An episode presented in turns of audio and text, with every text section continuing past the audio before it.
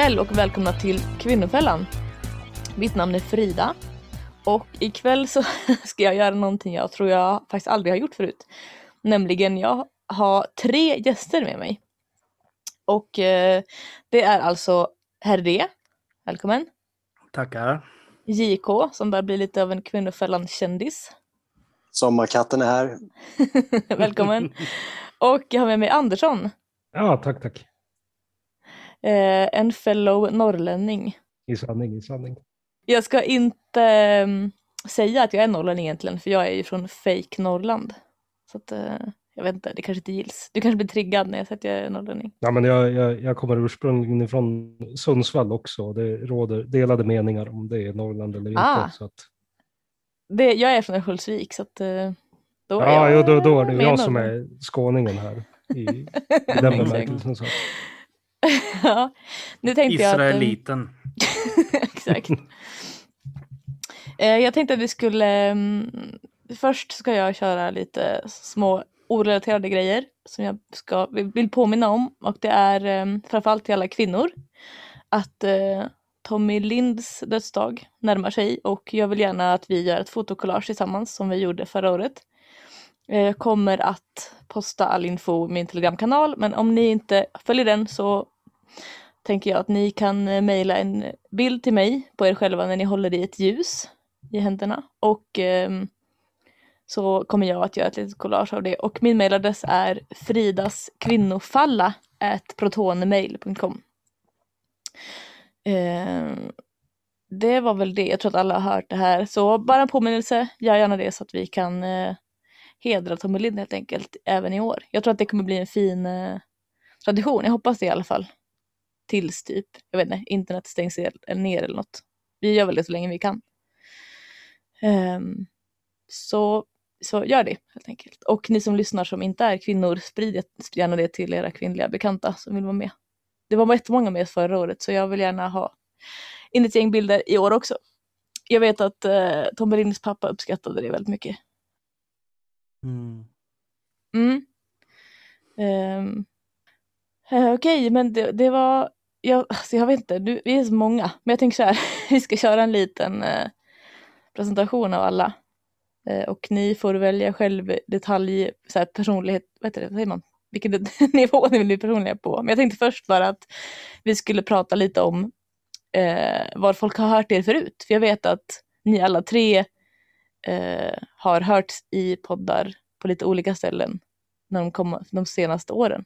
Typ. I alla fall. Jag vet att Andersson har varit med i, det var väl ett, det har gått ganska länge va? Som du har varit med i, eh, jag ska inte säga fel nu bara för det. Eh, Radio Laddhöger, eller hur? Ja, precis. Den här podden som vi vet kommer ut varannan vecka fast aldrig. Nu sen, Exakt. den, den har för olika orsaker så har den typ blivit mer eller mindre vilande i, jag tror vi har släppt kanske ett avsnitt eh, senaste året eller någonting och det, det är tänkt att vi ska komma tillbaka och börja släppa mer igen, men när det blir exakt, ja, jag, jag vågar inte säga för att vi, vi har sagt så många gånger nu att ja, men snart, snart kommer det och det kommer aldrig snart. Så att, när, när, när det poppar upp ett nytt, nytt avsnitt, då gör det det. det. Ja, vi är många som saknar eh, podden i alla fall, så att det vore kul om ni lyckas få till det. Ja, i något skede så. Vi får se. Mm. Eh, kul, jag har lyssnat lite så sporadiskt på Radio Laddhöger. Eh, men jag vet att det har li- blivit lite av en mem att eh, avsnitten kommer också väldigt sporadiskt. Ja, precis. Varannan vecka fast tror till och med- aldrig. Var det förra julen här det som du ha- hade det i din jullåt? Just det, redan då undrade jag när nästa avsnitt skulle komma. Men det har väl kommit ett sedan dess. Så att, Jo, ett, max Två. aldrig tre. Glöm tre. Sen har ju du Andersson var- varit med i eh, Lögnarnas tempel nyss också. Ja, det var helt nyligen. Jag börjar nu liksom när, när Radio Laddhöger ligger på dekis och avgiftning. Liksom, så ja, bara trillar jag över i andra poddar och nu...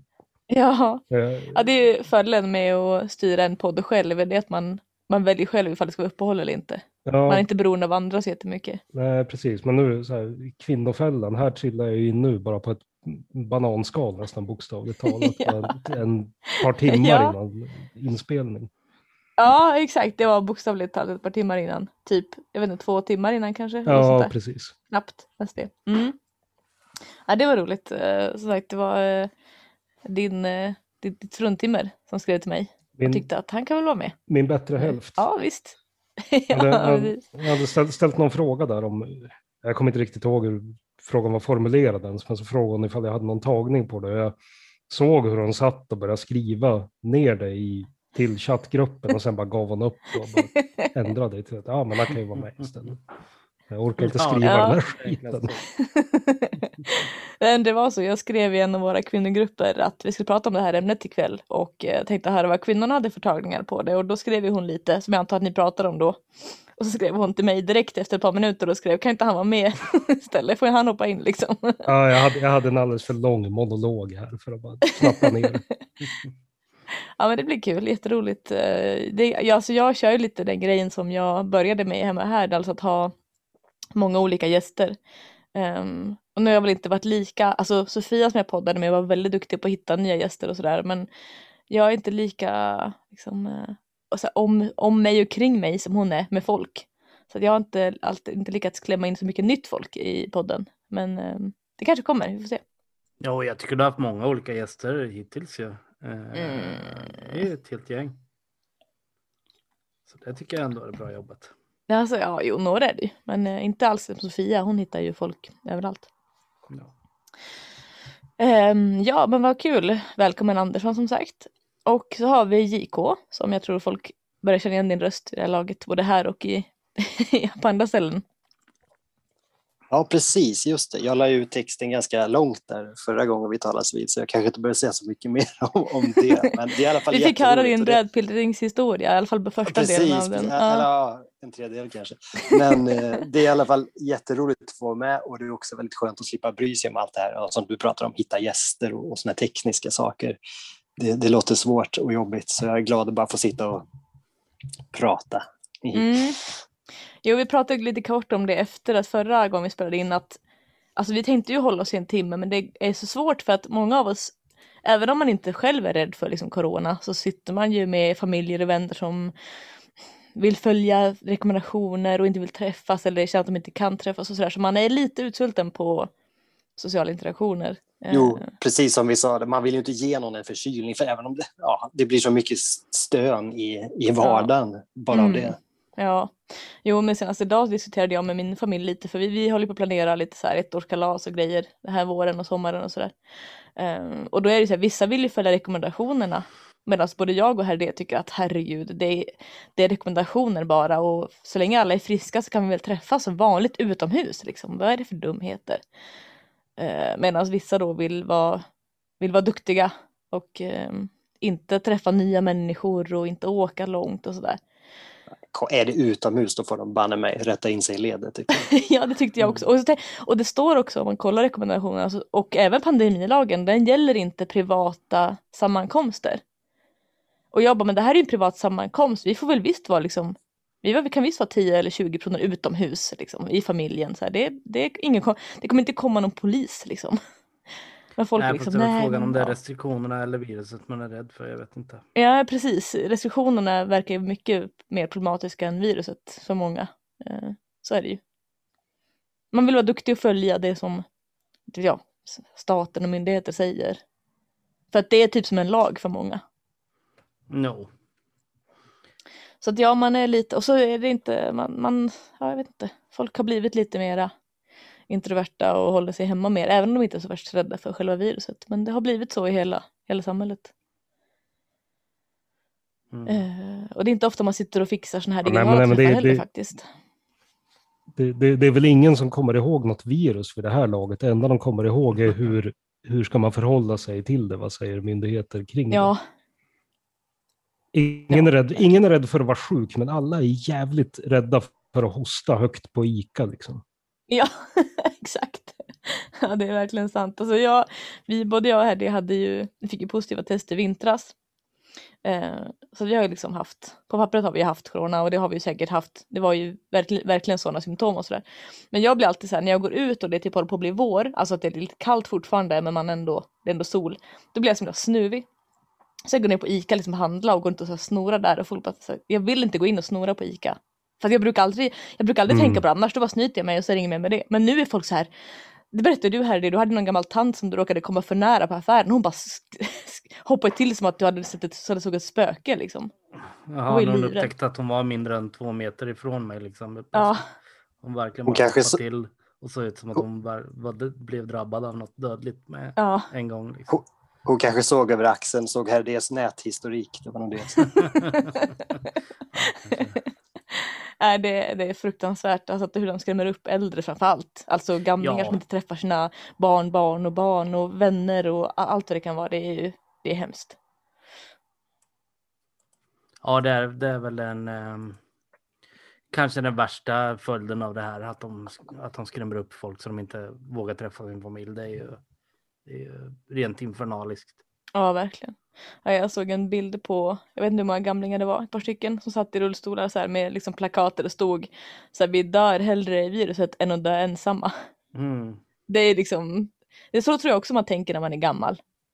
Man träffar hellre sina, sin familj och lever ett halvår till än att sitta tre år i livet ensam, isolerad liksom. Det är fruktansvärt. Ja, det måste vara ännu värre om man är gammal för då har man liksom, allt man har är ju sina barn och barnbarn då. Alla vänner dör och liksom ens man kanske är död eller fru. Och liksom, det som man har är barn och barnbarn och man får inte träffa dem. Nej. Det går inte att föreställa sig. Nej. Eh, ja, vad fint JK. Välkommen till dig också.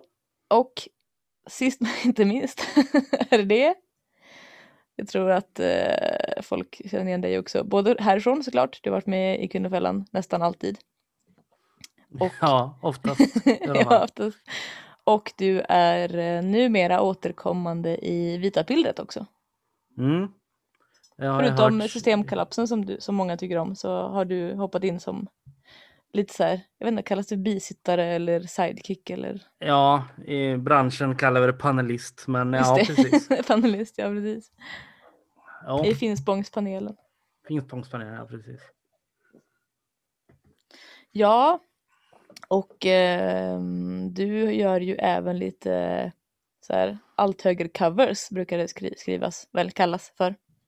Ja, precis. Jag har väl gjort ungefär lika många senaste året som eh, Radio Laddhöger har släppt avsnitt. men, eh, men jo då, eh, det händer ju. Mm. Ja, välkommen. Mm, tack. Eh, jag tänkte också bara för lite för ämnets skull. Ämnet är alltså kvinnosyn. Och jag vet inte, det så här. Jag funderade först på om det skulle vara kvinnosyn bland nationella män. För det är det som jag är mest intresserad av. Det är ju liksom hur våra män ser på, på kvinnofrågan. Um, så jag tror att det är det vi kommer komma in på mest faktiskt. Men bara för kul, nu behöver inte ni vara som sagt jättepersonliga, men det vore kul att veta er egen relationsstatus. Så att vi vet lite vad, vad ni utgår från när ni pratar och vad ni liksom, hur ert liv ser ut och sådär. Så om ni vill så här, vad heter det, doxa, doxa den grejen så kör. Eh, min relationsstatus är väl inte någon större hemlighet för lyssnarna av den här podden. Eh, vi har ju varit gifta i snart ett år. Mm. Eh, känt varandra i snart två år. Eh, och innan dess var jag väl eh, singel i ganska många år, eller vad man ska kalla det. I alla fall inte i något eh, så eh, fast förhållande eh, på, ett antal år innan det. Precis, det var lite ungkarlsstatus när vi träffades. Ja, det får man väl säga. Mm. JK. Ja, jag lever då lyckligt i ett registrerat partnerskap. Nej, Fin- finns det längre? Nej, det, det, nu är Jag det alla tror- äktenskap. Ja, jag- det är väl Ja, Ja. Ja. Nej, skämt åsido. Jag är lyckligt gift sedan flera år tillbaka. Så är det med det. Har två barn också. Ka- kan, är, det så, är det så att män inte kommer ihåg hur många år man har varit gift? Är det Ja, exakt. Du, du, så- du såg väl lite snyggt jag Mm. in. Exakt, jag tänkte okej, okej. Det är lätt Inga att komma ihåg ett år, där. men sen? Ja. Inga datum, nu går vi vidare till Andersson. Mm. Okej, Andersson. Ja, jag vet inte, det känns ju som att jag inte bara doxar mig själv i så fall. Så jag får så här, fundera lite, träda fint på, på orden. Men, eh, ja, men jag, jag sedan eh, ett år sedan tillbaka ganska precis eh, funnit mig själv i ett ganska stabilt, normalt fungerande, fint eh, förhållande. Så att jag ska inte, jag, jag ska inte säga att jag, att jag kollar efter en ring, men det, det, det är väl typ det jag gör. ja. Mm. Ja, jag, jag tror ju, hon kommer ju lyssna på det här sen säkert. Så att. Ja, ja, men det, om det, du, det om du är snabb så hinner du kanske fixa jag- det innan det här sänds.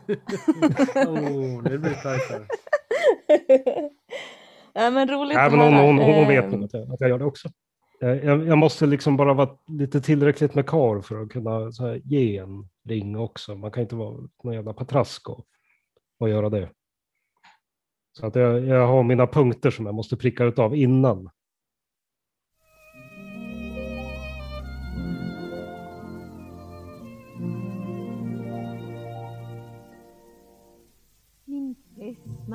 Vad han var modelejon, charmör Kan hända för min skull, jag är svag just därför Men nu är den tiden länge sen förbi.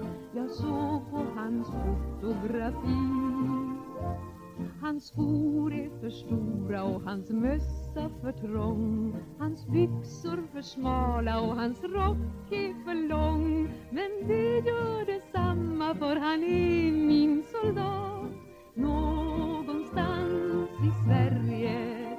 Jag har sett på hans kort att han är oklippt och dann Han rakar sig ej på flera veckor ibland det gör detsamma för han är min soldat. Någonstans i Sverige i vakt Vi måste stå. Vi kvinnor små för våra gossar blå som ligga här.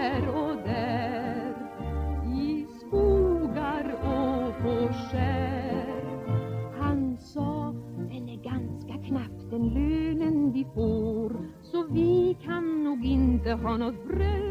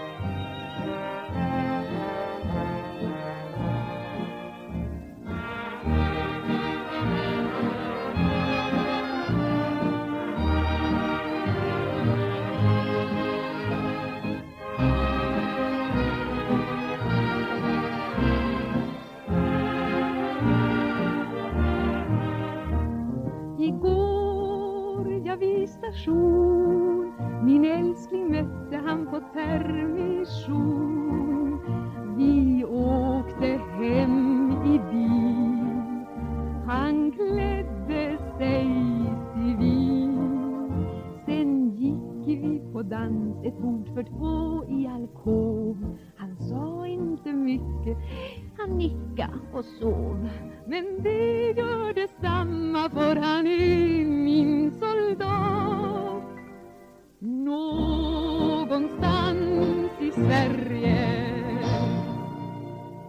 Okej, då är vi tillbaka efter en liten, eh, en liten bebispaus. Fast det är inte en bebis, jag vet. Okej, det är ett barn. Men eh, ni vet vad jag menar. Eh, nu ska vi se, nu har jag missat en grej igen här. Så. Eh, bra, okej, men då har vi haft en liten introduktion. Och eh, när vi är så pass många som vi är så tar det en liten stund. Så jag tänkte kanske att vi skulle klämma in, eh, jag tror vi börjar med Herr Ds önskelåt här faktiskt. Ja, det är eh, en av, har i alla fall varit en av mina favoritlåtar. Eh, sjungen av en eh, sojapojke som brukar ha stay-ups på scen. Så att eh, efter man har lyssnat på den så får man väl gå och dra lite bänkpress eller något för att få upp testosteronnivåerna igen. Men, eh, men eh, den passar in lite i ämnet med kvinnosyn och vad, vad, det, eh, vad det är för typ av kvinna man ser som idealet och lite sådana saker. Eh, men det är Depeche Mode Somebody i alla fall.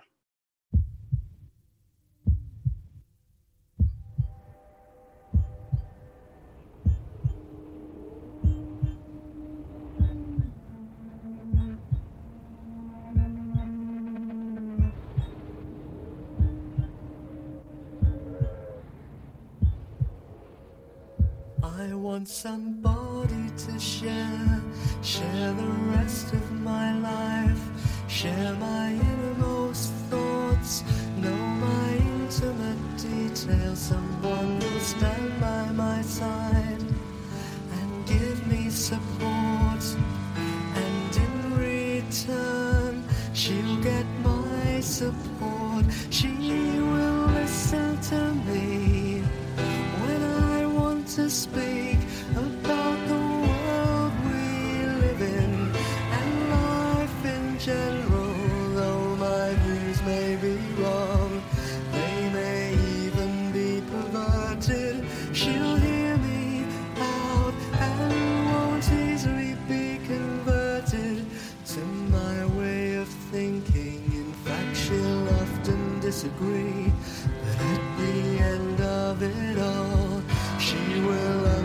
understand me.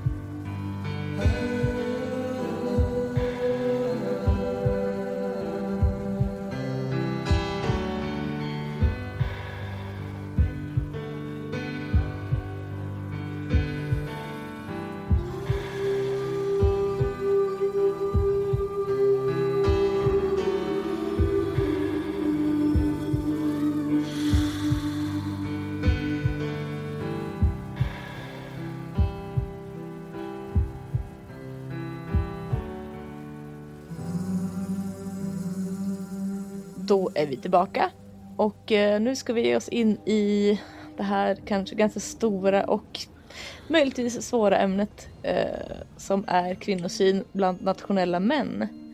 Och jag har ju med mig tre bra representanter här tycker jag nog, så vi ska kanske kunna reda ut saker och ting. Eh, jag tänkte börja med en, en liten så här ram vi kan prata om inom och det är att jag har upplevt under mina ganska få år i och för sig bland nationella eh, att eh, även om de är rödpillrade på kvinnofrågan så att säga, alltså de vet om De förstår sig på biologi, de förstår att eh, kvinnor och män är olika. Och eh, de förstår hur vi är olika, de förstår att det innebär att vi har olika roller och sådär. Vi är bra på olika saker. Så det är väldigt svårt att liksom vilja praktisera typ egentligen någon form av traditionella könsroller. Ehm, jag undrar om ni, någon av er har någon aning om vad det kan bero på. Jag undrar om JK, ska du så att, ta någon, har du någon tagning på det som det kallas? Ska jag börja? Hade inte Andersson en så här megatagning här nu? Har han redan teasat lite om. Så jag tycker vi kan slänga över bollen till honom. Ja men det, så kan man göra, det får man göra i den här podden. Dir- Direkt på mig va? Nej men det var som sagt, det var, det var tjejen som eh, frågade ifall jag hade nå- några tankar på den här frågan generellt och alltså vi- kvinno och mansroller, det, det känner väl alla till. Alla kan väl konstatera det att det är extremt svårt idag med restriktioner som kommer ifrån stat och myndigheter och skola och ja, listan kan väl säkert göras lång, men att, att leva enligt det här perfekta traddlivet. Så du har ju dels det och jag tror att det kan alla hålla med om, att det är ett enormt hinder. Men jag tror att man i och med att de, alla är överens om det här så det, det ligger någonting annat i det också. Jag tror att grunden ligger bara i att gällande både män och kvinnor att man idealiserar varandra. Män idealiserar kvinnor på ett sätt, kvinnor idealiserar män på ett annat sätt och det blir nästan omöjligt för vardera att uppfylla dessa två. Så du tänker att det finns någon form av så här Hollywood-skada i eh, hur man ser på kvinnor och män? Ja, men ta eh, det, det här typiska hur liksom incelmän vill ha sin traddfru. Hon ska vara hon, hon ska vara ryska, hon ska vara vacker, hon ska vara, ha en specifik lite mörkblont hår eller jätteblont eller brunett eller kanske svarthårig beroende på vad han nu tycker. Eh, hon ska vara vacker, stå på ett eh, vetefält, vinden ska blåsa genom håret och hennes vackra rena klänning och så vidare. Det är inte... Ja, och oskuld påminner min bättre hälft om mig om att hon ska vara. Men här, Men är det inte svårt att, att odla vete nere i incelkällaren? Eller? Ja, nej, nej men det, är- det är som sagt bilden som den här inselmannen söker, eller män överhuvudtaget, blir i princip omöjlig för kvinnor att leva upp till. Och det där kan nog speglas också. Bilden som kvinnor vill ha av män. Ja, men han ska vara, han ska vara längre än mig, eh, muskulös, framgångsrik, eh, självsäker, allt. Allt det där. Jag, jag tror helt enkelt att mycket är bara att man... Dels att man alltid ställer höga krav, kanske för höga krav på var och varannan. Men också att man idag, tror jag, spe- speciellt som nationell, man lever i lite så här ja, un, un, undanskymd. Man umgås inte med så mycket folk. Det finns inte så jävla mycket nationella man kan umgås med. Man blir lite låst i sin egen fantasi. Och den här fantasin mer och mer övergår i ja, Disney-fantasier rent utav. Och det slutar med att man kanske aldrig, man förväntar sig någonting sådant. Man söker efter någonting sådant och det som inte lever upp till den här fantasin som man själv har byggt upp. Det nöjer man sig inte med. Man letar problem. Här, här passade det inte. Här var det fel. Här levde det inte upp till drömmen jag har byggt i mitt huvud. Eh, jag, jag, jag, jag, känner att jag så här ramblar på, men eh, My- Mycket av det här är ju, är ju genomgående i samhället i stort idag. Eh, Tinderkulturen har gjort att kvinnor kan hooka upp med, med snygga män som kanske bara är intresserade av ett ligg. Men sen har de eh, Eh, då tanken att de ska träffa män av den kalibern eh, som de inte kommer göra för att de är inte är intresserade av dem. Eh, och eh, de här sakerna. Men det blir kanske ännu tydligare med, med eh, inom nationalismen där man ändå har eh, kanske ännu mer en idealbild som du beskriver det som gör att det blir kanske ännu svårare.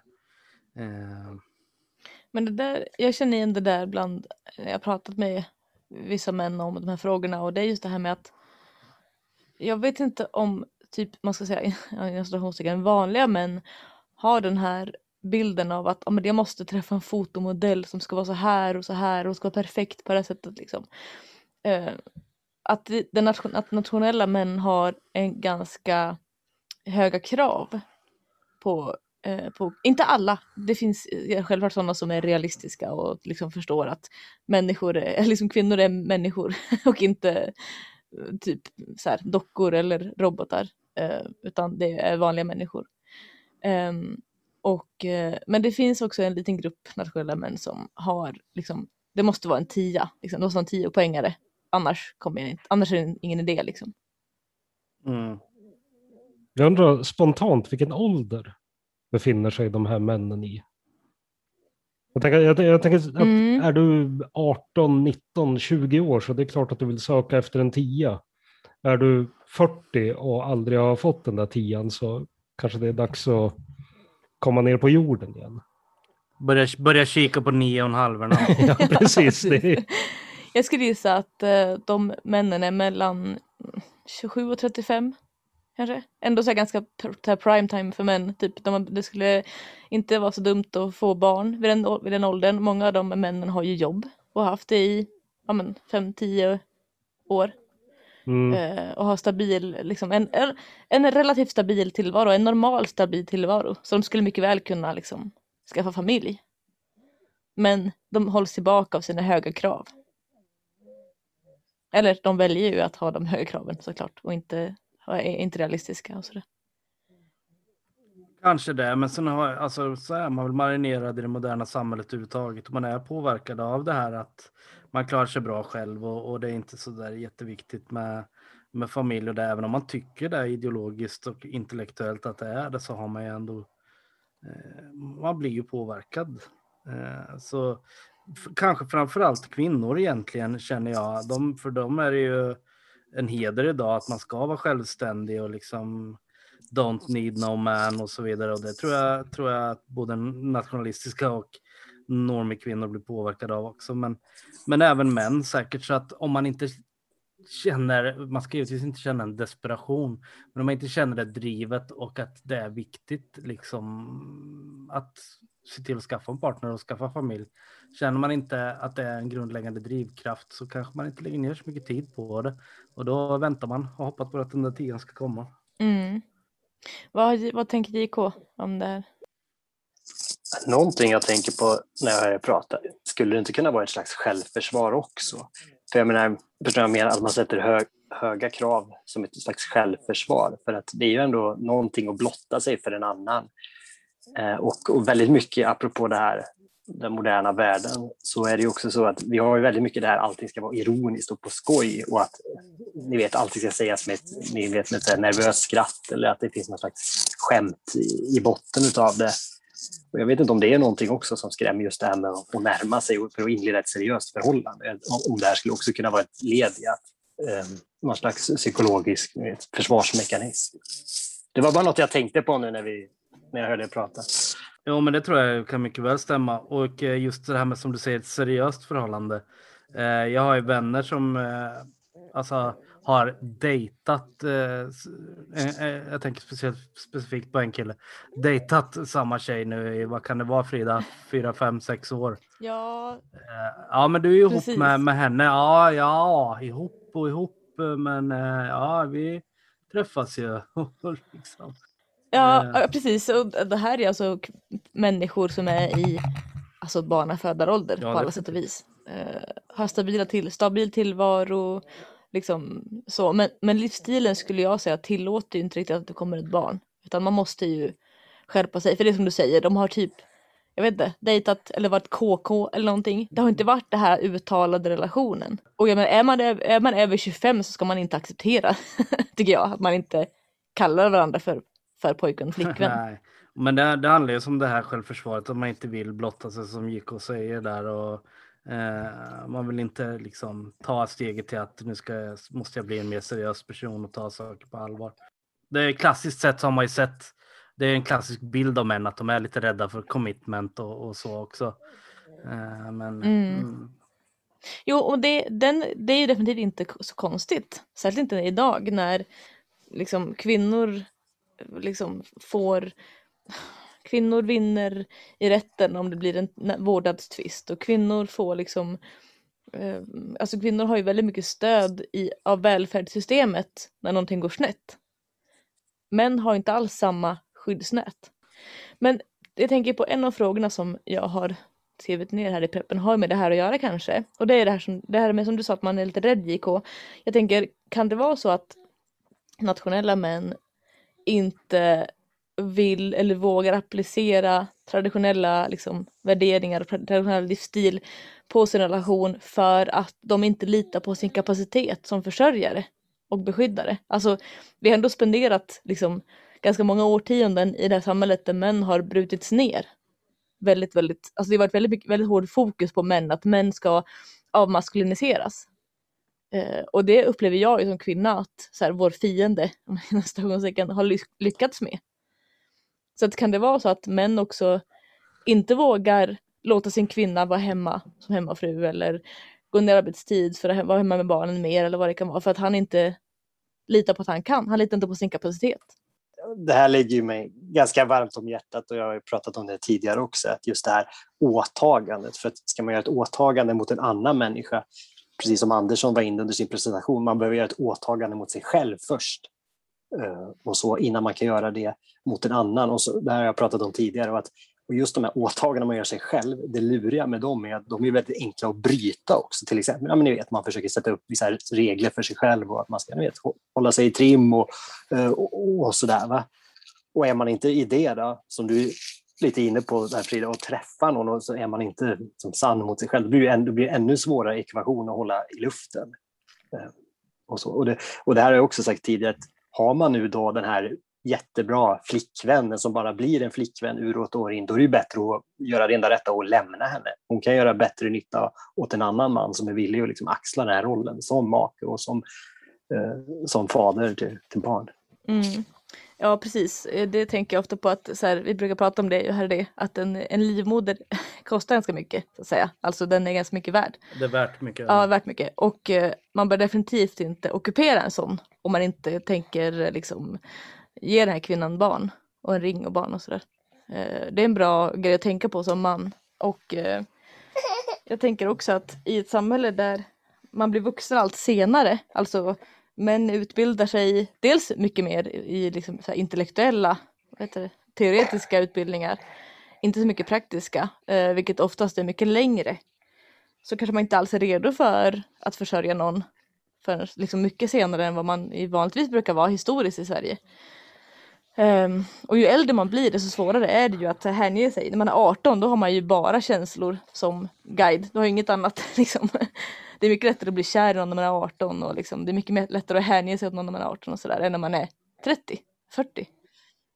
Ja, man bygger upp sina vanor och rutiner på egen hand när man är ungkarl. Eh, och man kanske lägger sig till med lite ovanor och, och sådana saker. Eh, men sen så ligger det ju i de flesta män att steppa upp när det är, blir allvar. Eh, till- exempel om man Eh, kanske det skulle bli någon oplanerad graviditet med någon flickvän man har. Alltså det, man har ju sett många pojkar bli män på, under de nio månaderna också. Så att eh,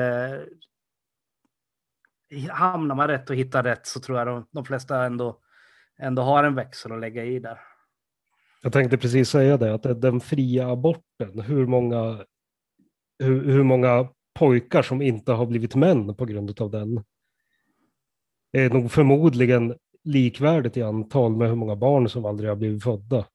Mm. Ja, definitivt. Och, och det är ju mycket av problemen idag beror ju på att vi inte har att vi inte har de här beroendeställningarna till varandra som män och kvinnor och att eh, att det finns för mycket frihet. Det är väl det som är problemet. Jo men det tror jag också har varit förödande för män. För att män inte får känna sig behövda längre. Det är ingen som behöver män. Eller det som, som Jalle sa när jag hade honom med en gång att kvinnor tror ju att de inte behöver män.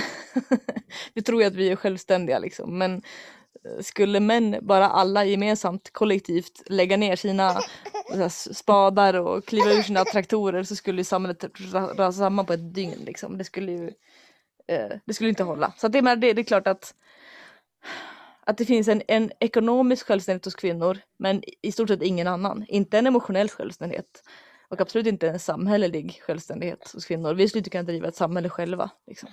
Och det beror ju nummer ett på, vi är inte fysiskt starka som män är.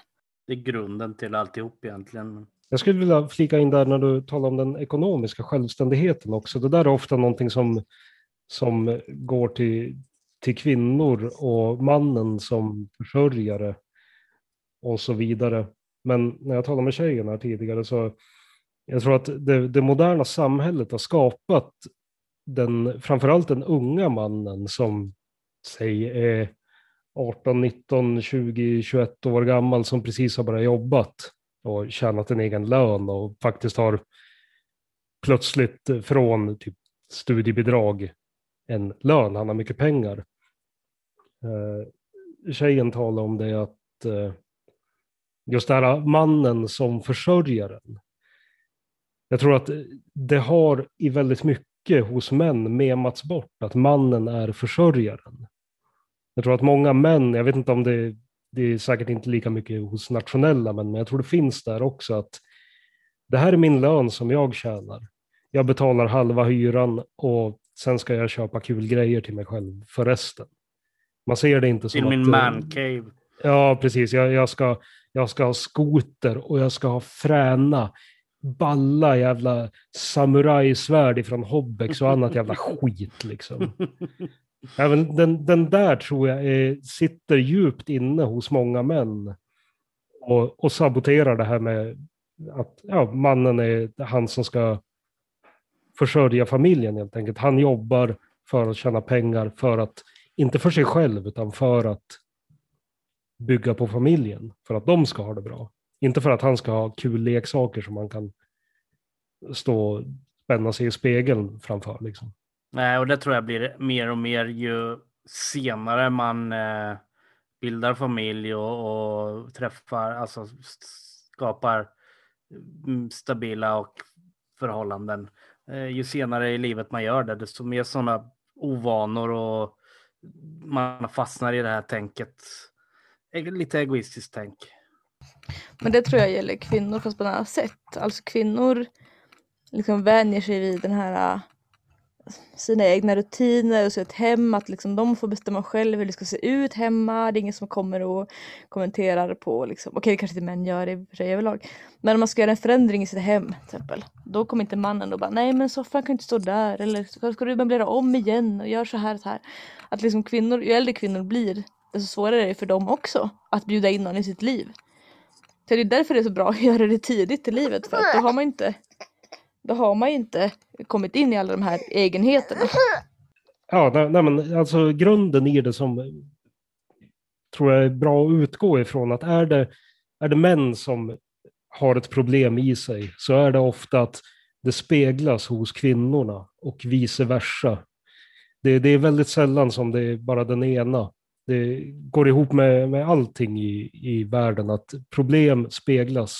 Och jag skulle vilja säga att bara det här att män har ju en inbyggd, apropå vi har pratat om så här hårdkodade mekanismer och just det här att man har det här att man vill skydda, skydda sin kvinna och att det kan bli som fel i programmeringen där om man helt plötsligt börjar följa sin kvinnas minsta infall och vink. För det är ju inte det det handlar om, alltså, utan att man måste ju också kunna sätta ner foten och sätta gränser ibland. Eh, och det är ju också så ut, jävligt utstuderat att män då ska bli mer de här mjuka och ha närmare till de här feminina dragen som kanske är mer, eh, lite mer hysterisk eller får utbrott och, så- och så vidare. Eh, och det, det är ju, inte heller bra för att man behöver kunna sätta ner foten ibland och precis som du säger Frida, vem bryr sig om vad soffan står eller om gardinerna är röda eller blå eller vad det må vara. Men när det kommer till större saker, då, då är det läge. Det är inte läge att när frugan bara, ah, men jag ska ut med tjejkompisarna, um, ute, vet ej när vi slutar, du fixar allt här hemma och hämtar mig på natten. Förstår du? Då har, det då har man tappat det. Om man säger lydigt, ska jag komma fyra eller fem på morgonen? Ska jag, ska jag köpa en, en korv med mig på vägen?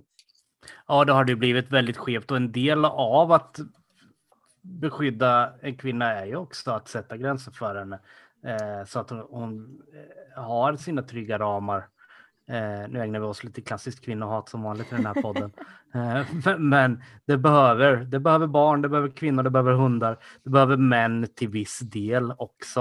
Eh, för det, det är en sak i, i att vara mänsklig och att vara en individ. Man behöver ha sina ramar. Eh, man behöver veta vilka regler gäller eh, för mig. Eh, och det är viktigt i en relation med. Alltså jag kan säga alltså, som kvinna så vill jag, jag vill ju inte och jag trivs ju inte i ett samhälle där vi inte har männerbund.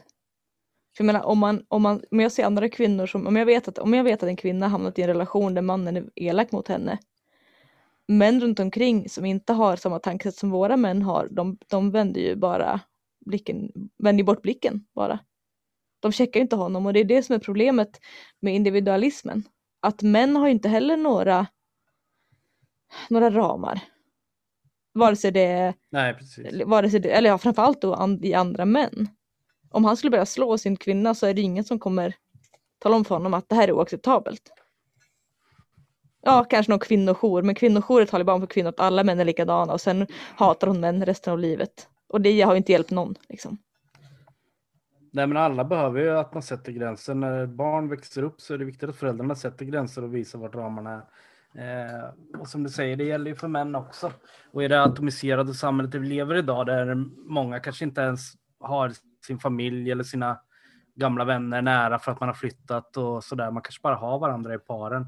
Och det är ju kan ju vara förödande för kvinnor om de hamnar i en, eh, som du, som du sa, en eh, relation där männen är elaka. Men det kan också vara förödande för, för männen också när relationerna inte fungerar. Mm. Eh, Att vi inte har, har de banden till folk som vi har i närheten.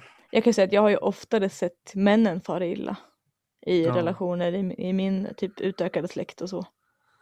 Det är de som blir hunsade För kvinnan, kvinnor, liksom. klass, kvinnor traditionellt har ju också checkat varandra. Liksom. Ja, ja. Ja, men säg inte så där till din man och, Mm. och, och liksom, ja, men tänk på, på det här. Liksom. Ja, det är för att förr, Eh, mycket, jag ska säga det, för, på grund som du sa där, förr så spelade det ju roll hur, hur kvinnor och mäns liksom interaktion, när de man såg hur de interagerade med så speglade det deras relation.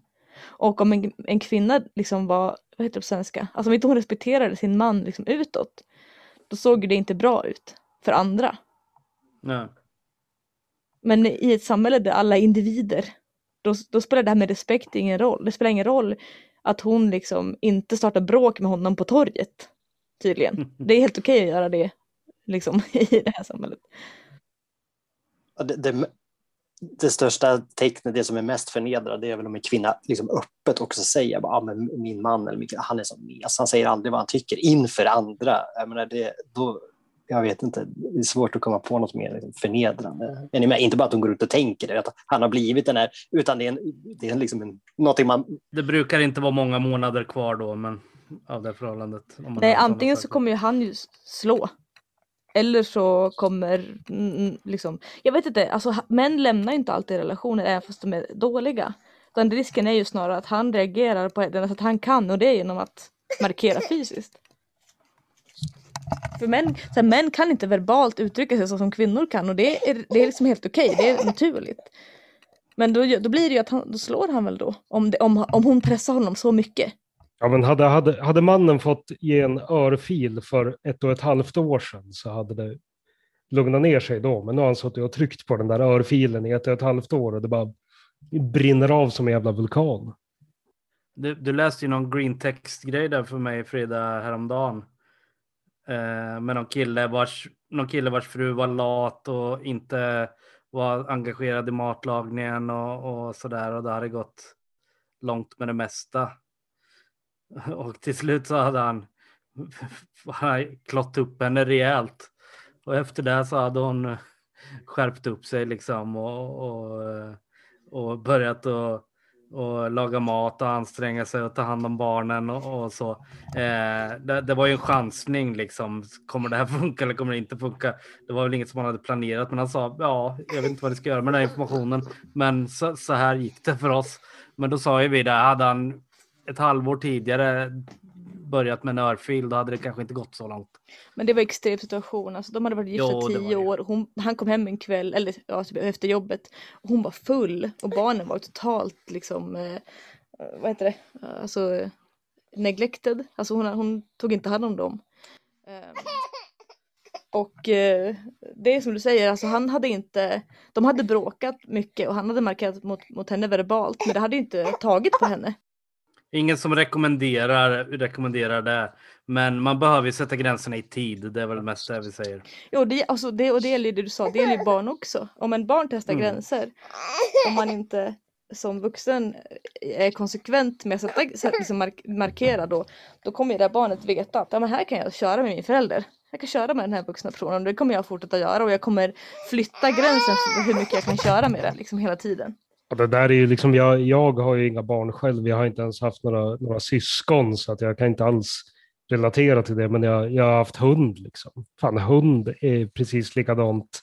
Allting fungerar precis likadant. Det kan vara, det kan vara vänner eller arbetskollegor Ja. eller vad som helst. Det, man måste sätta gränser helt enkelt.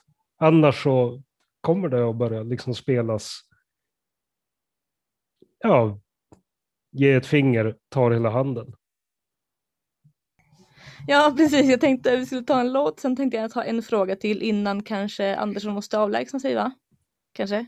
Ja, precis. Det börjar bli, det, det ligger en entrecote här som jag väntar på att få snittas upp. Ja, men jag-. Eftersom jag har en fråga till som jag tänkte att du skulle vara med på så ska vi bara köra den här låten och sen tar vi en liten fråga till och sen så får du, får du eh, ge, dig, ge dig på den så att säga. Helt enkelt. Um, ska vi se, ska vi ta... Oh, vi tar Anderssons låt då, innan. Och eh, vi vet inte vilken det är än va? Eller vad sa vi? Jo, du kanske hade någon förresten. Nej, jag har inte hört någonting om någon låt. Det får jag hitta på i efterhand. klipper vi in den i efterhand sen. När du Jo, på den. vi sa att vi skulle köra hela... Vad var det för band? Nu har jag till och med glömt vilket band Ja, det var. det, det var en, någon, någon ambient platta med Bursum hela... Ja, all, all, alla Bursum. Nej, men uh, kör, uh, kör Etnos i så fall, Ja, tycker jag det gör jag absolut. Och så är vi snart tillbaka.